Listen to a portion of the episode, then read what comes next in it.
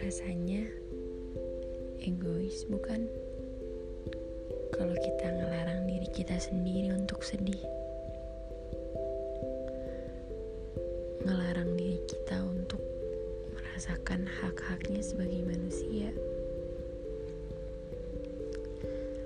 Tapi sebenarnya kita sadar gak sih? Rasa sedih yang kita alamin sekarang itu adalah jalan menuju kebahagiaan kita untuk ke depannya.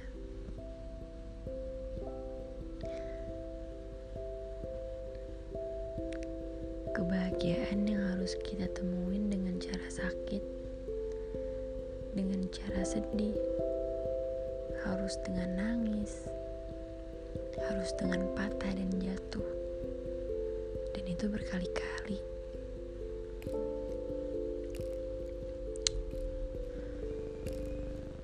Ternyata emang benar ya.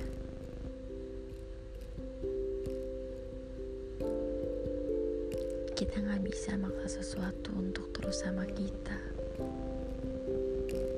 Kalau memang dasarnya sesuatu itu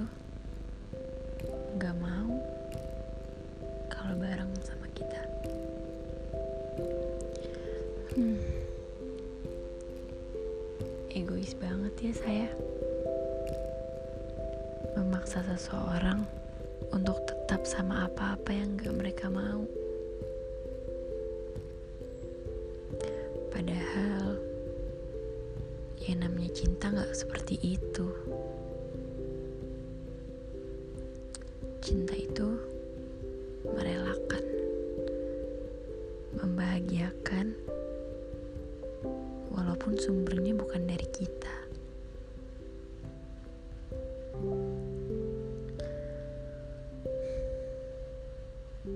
Karena emang gak semua yang kita cintai itu dapat membahagiakan.